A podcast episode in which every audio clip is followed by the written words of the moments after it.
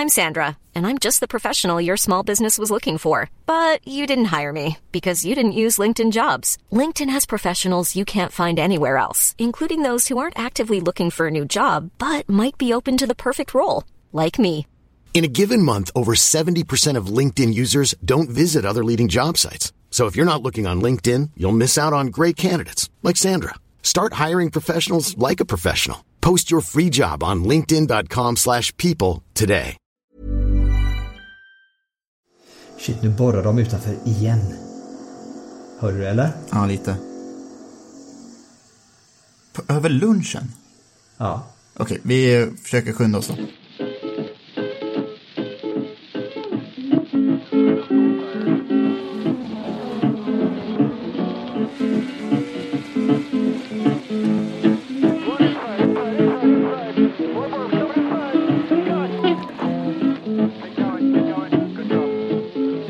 Wanna know where my easy rider goes. Said I wanna know where my easy rider goes. She's an easy rider, do ride all so long. Surprise, surprise! Det var ju bara ett par dagar sedan vi spelade in podd här, Indiepodden nummer 16, men eh, fan vi fick lite feeling här så jag tycker vi kör Indiepodden nummer 17 också. Välkomna. Då så, då är det Ronny och jag som ska sitta och snacka igenom eh, Indycar iRacing Challenge-loppet från Twin Ring Motegi förra helgen. Eh, Gergej har en ganska bra ursäkt att inte vara med den här gången eftersom han har intervjuat Felix Rosenqvist som vi ska lyssna på också. Men vi kan väl sätta igång och bara gå igenom vad som hände på Motegi, fast också som hände hemma hos alla, alla, alla 33 förare, för, för det är där de sitter fortfarande. Så Ronny, Ja. det blev ju inte en jättesensation som topp eh, tre nu på Motegi, men det blev, var ju ett väldigt roligt lopp. Ja men sensation, det får man ju ändå säga att Scott Dixon på andra plats. Det var väl, det var väl en överraskning. Det var första gången i världshistorien någon har sagt att det är en sensation att Scott Dixon gör bra ifrån ja, sig. jag vet, jag vet så. Men jag tänkte väl så haka på det förra gången vi sa att han, han är slut. Så, Ja, Nej men det var, det var ju faktiskt på skoj det. Men just det att han har flyttat fram positionerna så otroligt markant som han gjorde nu i den gångna helgen. Det var ju, det tyckte jag var, imponerande. Ja. Ännu mer imponerande för du vet ju hur höga tankar vi har av honom alltid. Ja, han är ju ny till iRacing och köra racing simulator liksom i hemmet. Eh, Men allt Scott Dixon vill bli bra på blir han bra på. Och eh, även om han börjar när- närma sig 40 så tror jag inte att vi ska räkna ut honom inom de nä- närmsta åren oavsett vilken racingdisciplin vi snackar om. Så. Absolut inte. Jaha, Vilka hade vi topp tre där nu då? Simon Pagenaud dubbla upp, han vann på Michigan eh, och nu vann han igen, dock lite till skänks eftersom Will Power, Scott McLaughlin och Oliver Askew körde ihop ju med några var kvar. Power var märkbart irriterad på någon anonym när han kommenterade på sina sociala medier, men när man såg loppet så, så är det ganska tydligt vem han eh, menade, för Askew försökte ju komma upp på ledarvarvet med ungefär 10 kvar. Eh, krokade ihop med Power som sen krokade ihop med Scott McLaughlin. McLaughlin ledde ju, men försvann ja, ut ur bild. Försvann upp i, upp i stängslet. Det gav ju Pagenaud och Dixon chansen att komma förbi Power. Så Power 3. Eh, vad tycker du om den incidenten? Ja, oavsett om det är man kör riktig racing eller om man kör virtuell racing. Som att, att försöka ovarva sig själv med tio varv kvar och på så sätt påverka eh, fighten och segern. Så det, det är väl en big no-no oavsett vad, man, vad man tävlar i egentligen.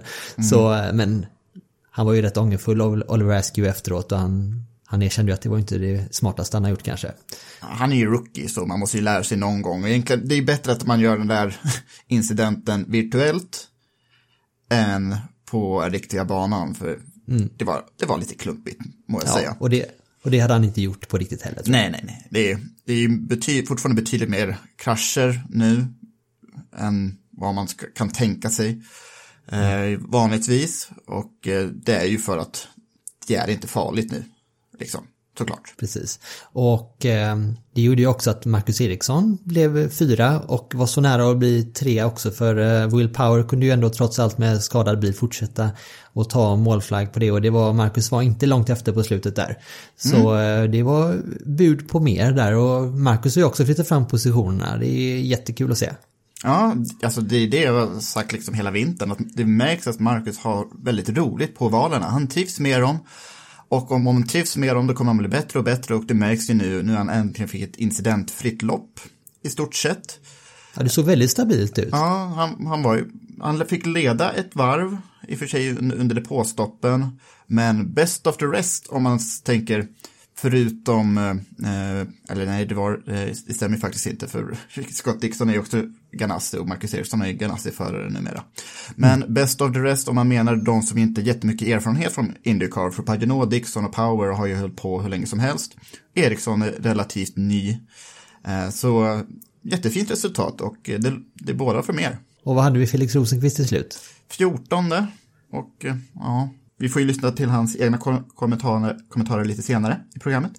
Ja. Eh, men um, han har ju inte på samma sätt verkat trivas på ovaler så bra, såg vi redan i Indy Lights för några år sedan. Men ja, nu har man chansen att uh, träna upp och 14 är bättre än till exempel Sebastian Bourdais som kom på 20 Ovalspecialisten Ed Carpenter var 17 i mål.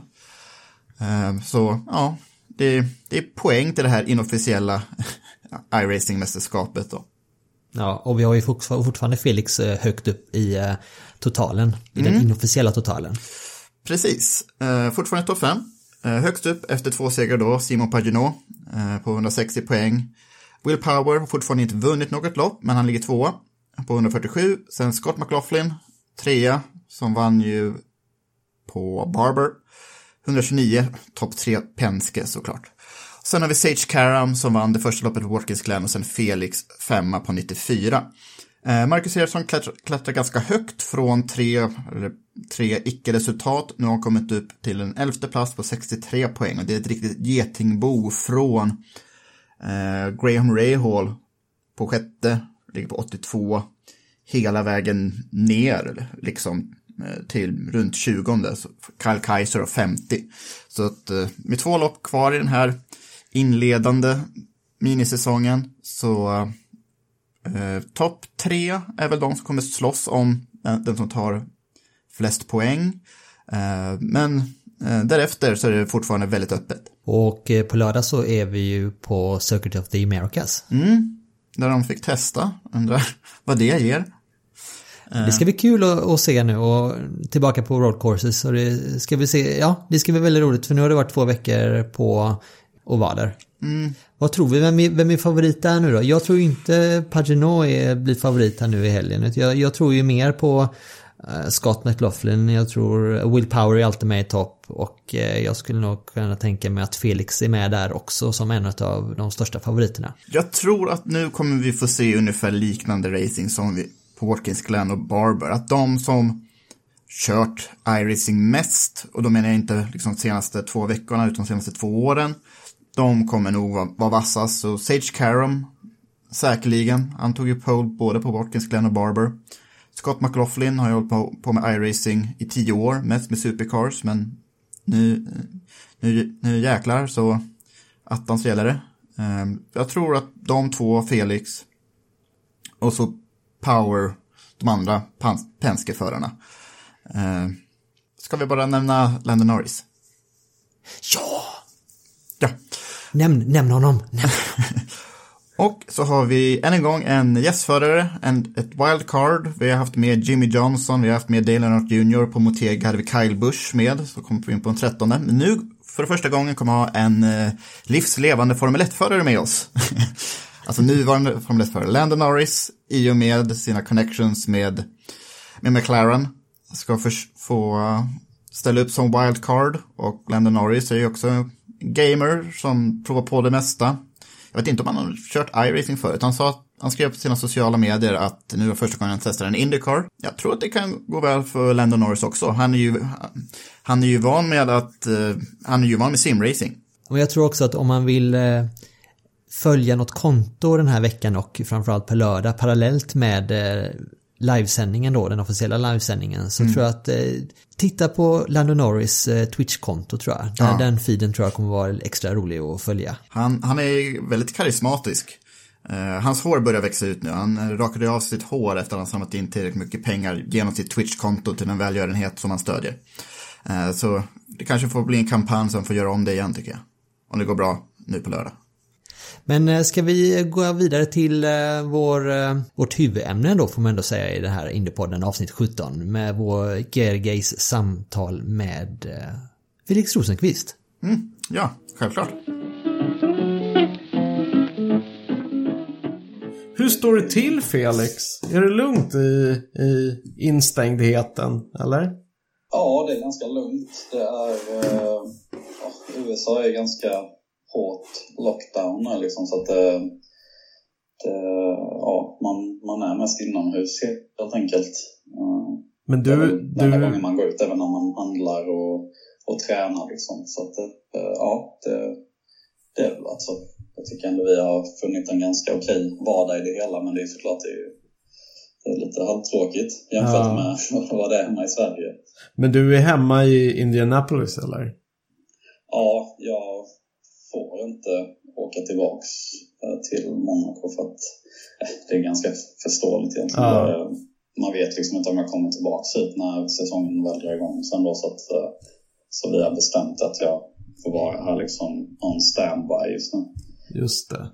Och då är det ju, då är det ju kul att den här simracing-biten finns och hålla sig sysselsatt med i alla fall. Eller? Ja, jo absolut, även fast man börjar tröttna lite på det också snart så, nej men det har, varit- det har varit fantastiskt och Mm. hur snabbt liksom alla har, har liksom eh, gått ihop och det har blivit massa olika ligor och, Mm. och race på väldigt hög nivå snabbt här så att det, det, det är jättekul och det gör, gör ju också att fansen har någonting att följa framförallt. Jag tror det är det, det absolut viktigaste. Ja, ja faktiskt. Det var, blev ju sånt enormt antiklimax när säsongen precis skulle dra igång och så bara ingenting. Så att, Ja. och det, må, det måste vara rätt tufft för er också kan jag tänka mig som har gått och liksom laddat för säsongstart sen, ja vadå, september, oktober i höstas och så ingenting. Ja, det, det blev ju väldigt konstigt och det, det, blev, det hände ganska snabbt även fast viruset hade liksom... Det var väl i januari det började liksom snackas om det och sen då kändes det nästan som i USA att liksom, ah, men det kommer inte komma hit ungefär och sen, och sen blev det exakt samma som i Europa bara att allting skedde typ tre veckor senare här liksom. Mm. Och det var ju precis när vi skulle till St. Pete och när Melbourne Just skulle det. bli av allt här. Så att, Ja. ja. det, blev, det hände väldigt snabbt och då man blev lite tagen på sängen. Men du, det här med simracing, för, för du är ju inte helt grön när det kommer till simracing. Och du var ju redan någon av de första gångerna som, som jag vet att du körde 2017 i det här racet i Las Vegas. Så var du ju med där i toppen, eller hur? Upp på pallen Precis. på första försöket. Så att du var ju rätt snabb direkt från början när du provade på simracing, eller hur? Ja, alltså det... Jag har väl någon form av talang för det tror jag. Eh, Sen är det väl mycket liksom... Man märker ju nu att i början när, när alla började köra här när, när viruset kom så, så hade jag liksom ett övertag på de flesta. Sen tror jag inte, jag har inte kört så jättemycket simracing men som du säger, jag har ju kört någonting. Och, eh, men sen märker man att det är många som liksom har nötat hela tiden, nu, liksom flera timmar om dagen. Och de, så det, det övertaget man hade innan finns liksom inte längre utan nu är alla typ på samma nivå egentligen rätt snabbt. Så att det, det handlar väl mest om liksom erfarenhet och, och, Mm. och, och bara nöta liksom. Just det. Eh, Så, det, så, så mycket jag har kört nu har jag nog liksom, det är nog tio gånger mer än vad jag någonsin har kört innan. Ja, ja. Okej, så de andra har kommit ikapp dig ganska snabbt alltså? Ja, det känns så. Ja. Det känns så. Sen, har vi inte, sen har vi mest kört ovaler, vilket är lite mer, det blir lite mer lika för alla. Därför det, det kräver inte lika mycket liksom, finess. Mm. Så att vi får se nu. Vi kommer ju köra Kota nu i, i helgen. Så får se om det, det. om det ändras lite då, rangordningen i resultatlistan. Mm. Men du har, du har gjort en del inhopp i race även när ni har kört mot simracing-experter. Alltså sådana hel, mm. heltidsproffs. Och, och där är det ju, det är ju rätt kul att se alltså riktiga förare som er köra mot de här superexperterna. Men alltså från, från ditt perspektiv, vad är, vad är det som skiljer? Eller kan man se det som, som förare, vad är det som skiljer de här, så här riktiga simracing-experterna från, från er? Uh, ja, alltså för det första så är det väl antalet varv de har gjort. Liksom det, det mm. märker man rätt snabbt att det är en, en skillnad där och de kommer upp till speed rätt mycket snabbare var man än kör. Mm. Uh, sen har de någon förmåga att liksom hitta sådana här små tricks hela tiden som, som kanske inte gör så jättemycket men när man lägger ihop sju, åtta stycken på ett varv så blir det mm. typ sju, åtta tiondelar. Och, uh, det kan vara så här jätteskumma saker som att man träffar någon curb på något visst sätt eller man... Mm. Ja, man alltså de, de har nog, man blir nog lite skadad av att ha kört mycket racerbil på riktigt för att det, det finns liksom en genomgående trend på hur man kör en bil och hur man har liksom ett flow i körningen och det där applicerar inte alltid när man kör sim och ibland kan det vara bättre att göra något jättekonstigt liksom. Okay. Um, och det, de har liksom fördelen av att inte veta om det som vi vet så de, de kör liksom bara efter hur mm. det, det som är bäst för varvtiden. Och, och man, man, lär sig rätt mycket på det och man, man, man öppnar upp liksom sitt tänk rätt mycket när man ser hur de kör. Eh, men samtidigt tror jag det är ingenting som man kanske ska ta med sig tillbaka sen. Inte Nej. alltid i alla fall. Finns det en sån risk att, du, att man liksom lägger till sig med dåliga vanor i hemsimulatorn och tar med sig det tillbaka till banan? Ja, det, det, jag har nog känt det ibland, eh, både när jag har kört själv nu i vinter efter jag byggde min simulator och sen när vi, när vi testade Indycar så tyckte jag att det kändes rätt konstigt första timmen liksom. Mm. Innan man kom in i det. Sen, sen var det första testet på hela säsongen också så mm. det är mm. alltid lite annorlunda. Men sen även när vi kör, vi, vi, vi kör ju alltid simulator innan racen med teamet då eh, på Hondas simulator som ligger ja. i Indianapolis. Och och även där har det varit någon gång när vi har kört extremt mycket och, och då har jag sagt till teamet typ så att liksom, nej, vi, vi försöker hålla det till tre, fyra timmar max liksom. Annars blir det, annars blir det att man läser, man plockar upp lite konstiga vanor så innan, innan helgen. Så, att, eh, så det, jag, jag tycker allting är så här balans. Man, man, man, får se hur många timmar man kör med mm. en riktig bil och så får, får man försöka hålla simkörandet mindre än det. För annars blir det att man liksom ja, det tar över lite på något sätt. Ja men vad intressant, för som lekman så tror man ju att ju mer desto bättre, desto mer lär man sig. Men så kanske det inte alls är, utan det, det kanske påverkar vissa saker negativt också. Att man får, får en, en liksom fel känsla för bana och körning och sådär. Och allt för mycket tid i simulator. Ja, alltså jag, jag, tror det är precis som att köra en annan bil. Liksom det, mm det, det, är inget fel med att köra någonting annat. Eh, om det är simulator eller om det är... Man säger att jag skulle köra STCC-bilen då, liksom, det hade mm. inte skadat min körning där. Jag hade säkert lärt mig någonting, men om jag hade nötat STCC-bil 700 varv i månaden, mm. då hade, tror jag inte att det hade gynnat mig när jag kör Indycar. Nej, just det. Så det, det, är typ exakt samma sak. Uh, så man, uh, jag, jag försöker ta det lite med en nypa salt. Jag jag tränar liksom nu när, när vi kör de här Indycar-racen i början så tränade jag liksom oh, sjukt många varv som alla andra. Liksom. Mm. Men nu har jag försökt ta ner det lite och, och jag, jag tränar nästan bara dagen innan racet nu liksom bara för att hålla det på en ja. normal nivå liksom. Uh, men ha, har du så, kört mycket teamsimulator även tidigare? När du körde Mahindra och var knuten till Mercedes och sådär. Har du, har du varit en sån som tillbringat mycket i team, tid i teamsimulatorer? Ja, uh, både när jag körde, ja, när, när jag körde F3 så körde jag rätt mycket DTM-simulator mm. och jag körde även Mercedes F1-simulator någon gång. Eh, och sen när, vi körde, när jag körde med Mahindra, då körde vi extremt mycket. Då hade vi en helt egen simulator in-house. Ja. Och då, när jag körde min eh, andra säsong i Formel E så körde jag tre, ja, i snitt två, tre dagar simulator innan varje race. Okay. Då var ju då var det mycket det här med energiförbrukning och det. Och det kunde man simulera väldigt bra på simulatorn. Så det, där gav det faktiskt väldigt mycket. Mm. På det, mer för ingenjörerna. eh, än körningen så att säga.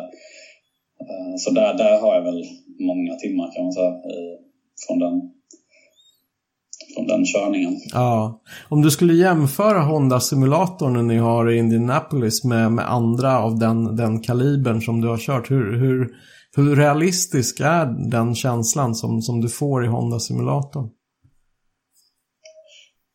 Alltså jag tycker egentligen alla blir på något sätt, de kommer till en nivå och sen är det svårt att komma längre liksom. Mm. Det, det som är bra med Honda-simulatorn är liksom att den har lite rörelse i sig, inte för mycket, eh, vilket jag inte heller tycker är bra, men den, den rör sig lite när man mm. kör på curves och sånt där, så sitter man i en riktig monocoque och, eh, och de har sån här projektor som är ja, man, man får ganska schysst djup i bilden. Liksom. Just det.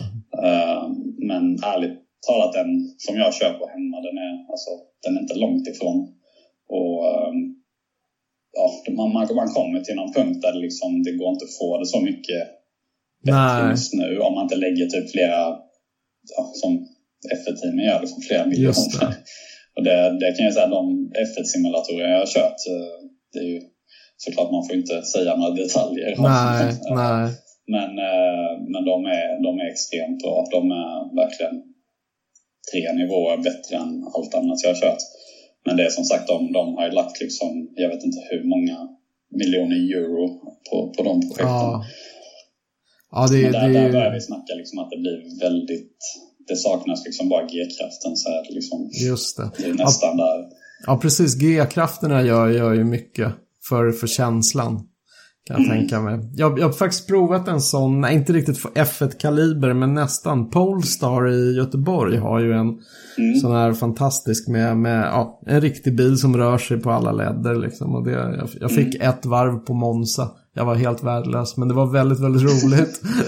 eh, men man, man fick ju en otrolig känsla för, för alltså närvarokänsla. Eh, och jag, mm. jag håller också på, jag har också en rigg, aluminiumrigg som du hemma med lite enklare okay. prylar på. Men jag kör ju bara VR. Uh, okay. För mig var det en, en game changer. Jag, jag, jag tycker att man, man, får en himla, alltså en sån otrolig närvarokänsla genom VR-glasögon. Så att det, mm. uh, jag föll för det. Det var då jag började bygga rigg när jag hade testat VR. Men har du, har du provat VR? Jag har aldrig, jag har aldrig provat det i, uh, i liksom en simulator mm. utan bara i andra spel. Sådär. Uh, men jag kan tänka mig om man inte är liksom jättevan vid mm. simkörning så kan nog det hjälpa en att komma upp till speed för man får mer input och man får mer djup i allting. Ja, för många precis. som provar simulator, även sådana som är duktiga på att köra annars, men om de provar för första gången så blir det bara så att de missar bromspunkter med 100 meter och liksom det, de får ingen känsla alls. Men jag, jag kan tänka mig om man kör VR så får man det där liksom man får nästan som en rädsla kanske att man, nu måste jag bromsa för nu kommer svängen. Just det. det. det. blir liksom mer verkligen. Jag, jag har faktiskt aldrig provat det men det, mm. det hade varit väldigt intressant. Men jag, jag blir ofta rätt så här, åksjuk nu. Jaså, okej, okay. det kan man inte tro. Men...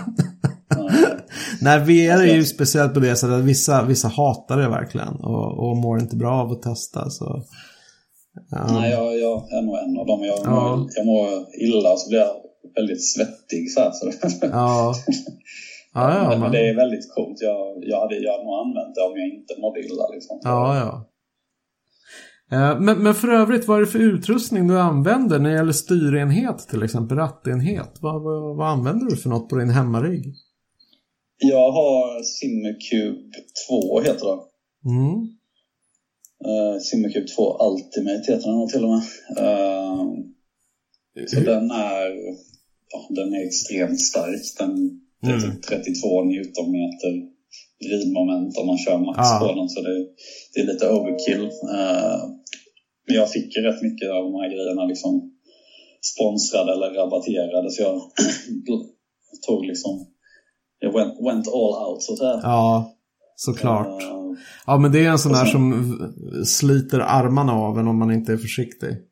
Ja, det är en massa här säkerhetsgrejer på den och ja. stoppknapp och hela den biten. Så, men det, det är, man kan verkligen slå mm. sig. Det, det värsta är typ om någon kör in i. Just då, det. då kan man verkligen liksom, jag liksom börjat blöda om händerna några gånger. Och då ah, är ändå den inställd ganska lätt liksom. Ja. Så att eh, man, man får vara lite försiktig. Man får akta Nej, sen har tummarna. jag, så jag har ju som du säger aluminiumprofil då. Mm. Eh, sen stol. Eh, pedalen heter Housing Kväll. De vet vad det är. Ja, ja. De är riktigt fina. Ja, de är, de är väldigt bra faktiskt. Um, ja, och sen har jag mer? Ratten heter Sim Precision. Precision Sim Engineering heter den.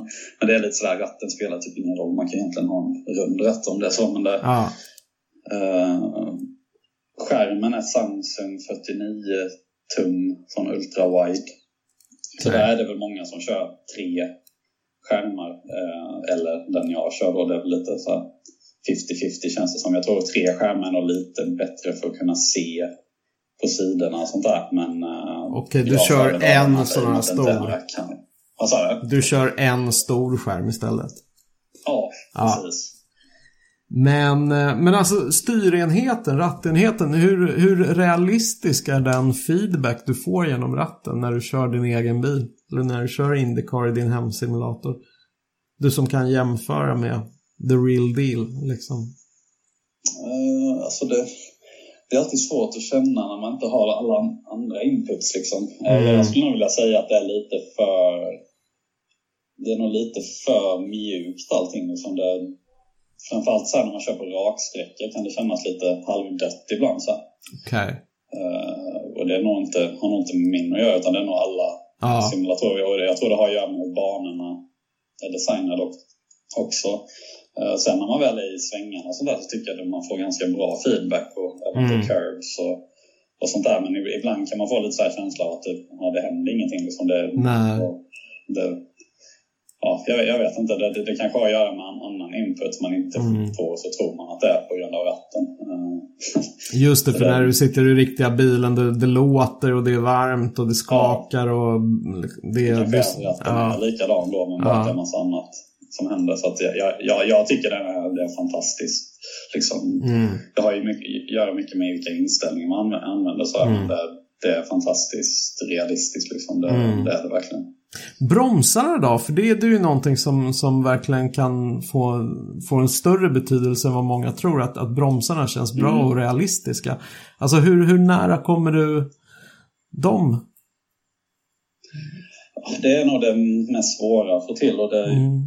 Jag tycker nog egentligen inte det där har mer att göra med vilket, vilken simulator eller spel man använder snarare än bromsen Okej. själv. För den bromsen själv är liksom bara så här, man, man måste bara vänja sig vid det man har. Det tar rätt lång tid. Eh, Det finns många som håller på så här mecka. Bara det funkar inte, det känns inte verkligen så. Ändrar man liksom inställningar och man ändrar sådana här gummipackningar. Det. men, det, men det jag kommit på är att liksom man, kör man bara med det man har så, så vänjer man sig till slut. Ja. Ja, vi- vissa spel är typ som iRacing är ganska jag vet inte, det känns ganska overkligt ibland när man bromsar för det, det är lite för känsligt sådär att få stopp på bilen. Eh, Okej. Men de bromsarna jag har är liksom, det är ingen trycksensor så det är ingen, ja det, det är liksom ju hårdare du trycker, det, det, det är inte så mycket travel i den utan den Nej. är ganska stum. Eh, Men jag, men jag, men jag tycker den är bra. Eh, Men sen är, det nog många som kör simulator som, har, som ställer in den för att man måste trycka alldeles för hårt. För det man glömmer är att när man kör en riktig bil får man, då får man G-kraft. Och det hjälper dig att trycka hårdare på bromsen. just det, för i bromssituationen då åker du ju själv framåt, eller hur? Ja, framförallt Ja. när man trycker på pedalen då Ja. blir det ju som en liksom tyngd Just som det. lägger sig på pedalen. Och det, så många är så här, bara, men jag trycker 120 bar i min riktiga bil och då ska jag göra det i simulatorn också. Så får man Ja. liksom kramp i foten till slut. Ja, trycker ja. så hårt. Så, att, eh, så man, man ska inte trycka så hårt egentligen när man kör simulator. Nej. Det är någonting som mm, fler och fler kommer på. Har du någon siffra i huvudet sådär hur hårt du bromsar när du, broms, när du kör din vanliga bil? Alltså som hårdast när du verkligen drämmer till. Vad, vad är det för tryck det handlar om? Alltså det brukar ligga ungefär runt, när det är hårt så är det runt 100 kilo. Alltså Ja. 100 bar. Eh, och ska man komma upp i det på en simulator så är det liksom, det blir så här sjukligt Ja. Det går liksom inte. Alltså Nej. man kan göra det någon gång men sen blir man liksom trött efter tre varv. Och det Så behövs eh, kanske inte heller för att man, man ska vara snabb liksom. Nej, så Mm. att jag skulle nästan halvera den siffran på en simulator Ja. tror jag. Okej. Men då krävs det ändå en sån här riktigt bra aluminiumrigg så att allting sitter fast liksom. Så att det inte åker runt. Så att, eh, Mm. Jag såg att eh, Marcus Eriksson också hade gått all in på samma utrustning som du kör. Så ni, Ja, har, ju, ni har ju alla förutsättningar liksom. Jajamensan. Men, Nej, men det, de är jävligt bra de aluminium. De vi kör, de sim... Det är ju samma som... Det är ju bara aluminium i slutändan men Ja. det, det är väldigt prisvärt tyckte jag. Även fast man kan ju gå och köpa de här rören själva. Jag, jag vet inte vad du har gjort. Men det går ju liksom att kutta upp det själv och, och, och, och skruva ihop. Och, men, men det sitter extremt bra. Det, det, det är liksom ingen tendens till att röra sig någonstans. Nej, precis. Det, det, finns en, det finns en svensk kille som driver ett eh, enmansföretag som heter Swedish Rig Designs. Som, som jag köpte Ja, min det av. sett. Och det, är- det är honom som jag har köpt min av och det, det funkar Ja, okej. alldeles utmärkt. Han är väl lite billigare än Simlab. Men det är, det är som du säger, det är exakt samma princip liksom. Så att, Ja, eh, och man sitter ju riktigt bra. Eh, ja de, de verkar rätt seriösa också. Sim, ja. Swedish Simrig. Så. Ja, de har också något samarbete med, med något annat företag som tillverkar sån här rörelse eh, simulatorer som man kan kombinera. Så det, det har jag aldrig provat, Ja. men det, det får bli nästa, nästa steg i galenskapen. Liksom. Ja. ja, nej men det är kul att hålla på. Men det, det sista jag tänker på är Alltså när ni, när ni kör på riktigt så att säga, då är det ju väldigt mycket teamarbete Mm. det handlar om. Men hur mycket finns, eh, finns det kvar? Eller hur mycket av det finns kvar när ni kör simulatorracing? Hur delaktiga är teamet i det du gör på banan? Alltså det har blivit extremt mycket nu. Ja. det, har, det har skalats upp ganska snabbt. Så nu har vi... Så jag har alltid min spotter med när jag kör nu på Ja. våra Indycar-race. då. Eh, och så har jag även min crew chief, eh, eller min ingenjör kan man säga. Han sköter strategi och set, setup och bränsle och däck och sånt där. Och sen, eh, och så nu har vi även skaffat så live datalogg. så att Ja, ingenjörerna kan sitta och följa liksom både mig, Scott och, och, och Marcus liksom, och, och, jämföra data så samtidigt som vi kör. Så det, det, har, blivit, det har blivit sjukt komplicerat. okej. Man har spenderat mer tid och liksom försöka få allting att funka än att köra känns det som. Men det, men det är rätt kul. Det, ja, det är inte direkt att det behövs men det, det, alla, alla håller sig sysselsatta och det, liksom, det, blir, det blir en kul grej. Och jag tycker det är ganska intressant men liksom, Ja. jag, jag gillar så här teknologi liksom och mecka med grejer på, på datorn och sådär. Så det, det är rätt kul att bara liksom se hur allting faller ja. samman. Liksom. Ja, men det är typiskt racingfolk också, att man kan inte göra saker halvdant, utan gör man det så ska det vara liksom all in. Ja, Ja men vad kul och det, det är ju säkert ett sätt också att hålla teamandan levande och, och hålla folk Ja. liksom igång under de här jättekonstiga tiderna vi lever i. Så. Ja, men typ jobbet med min spotter har varit extremt bra när vi kört på valer. För det, det är verkligen exakt samma. Liksom han, han sitter och kollar så säger liksom vad som händer runt omkring. Så här, om någon outside, outside, inside. Och liksom hela det snacket har Ja. vi har verkligen tagit next level på det. I och med Ja. att vi har inte kört så mycket på valer. Liksom, så det, det har varit jättebra faktiskt. Just det, så den erfarenheten kan säkert vara värdefull att ta med sig sen eh, när, ni, när det är dags att köra igång säsongen. Ja, verkligen. Det är Ja. 100 procent.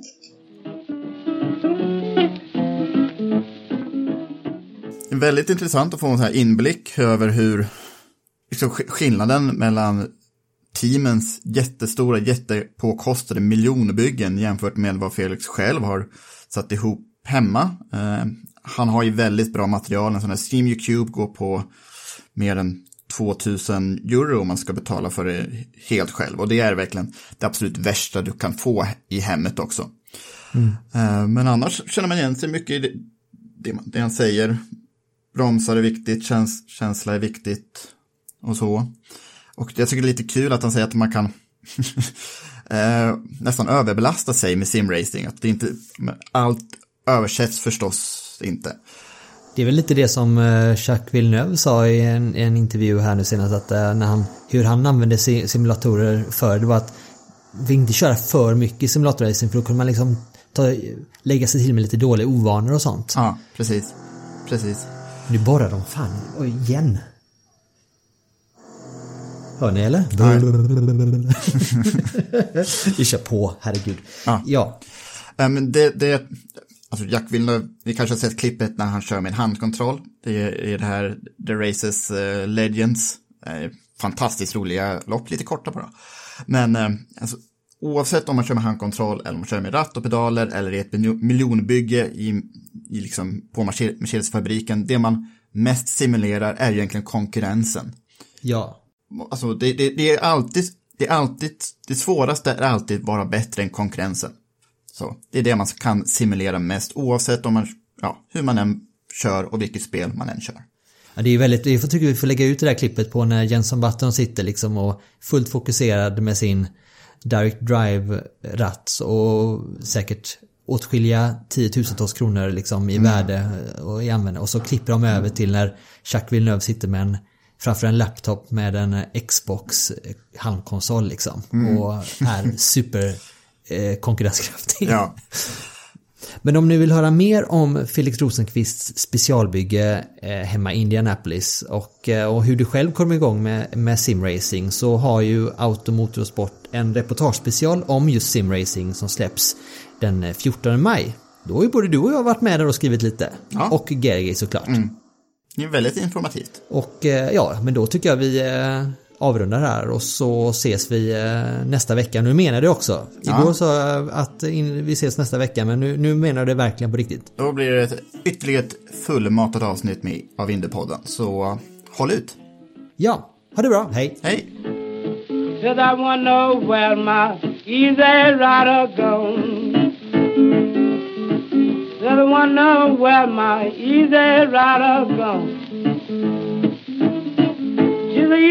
Rider, but she do ride hard so long.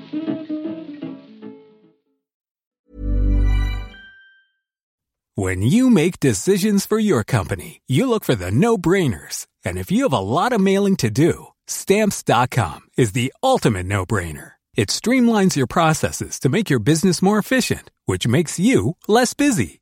Mail checks, invoices, legal documents, and everything you need to keep your business running with Stamps.com. Seamlessly connect with every major marketplace and shopping cart. Schedule package pickups and see your cheapest and fastest shipping options from different carriers with rates up to 89% off USPS and UPS rates. And with the Stamps.com mobile app, you can take care of mailing and shipping wherever you are. Make the same no-brainer decision as over 1 million other businesses with Stamps.com. Sign up with Code PROGRAM for a four-week trial, plus free postage and a free digital scale. No long-term commitments or contracts. That's Stamps.com. Code PROGRAM.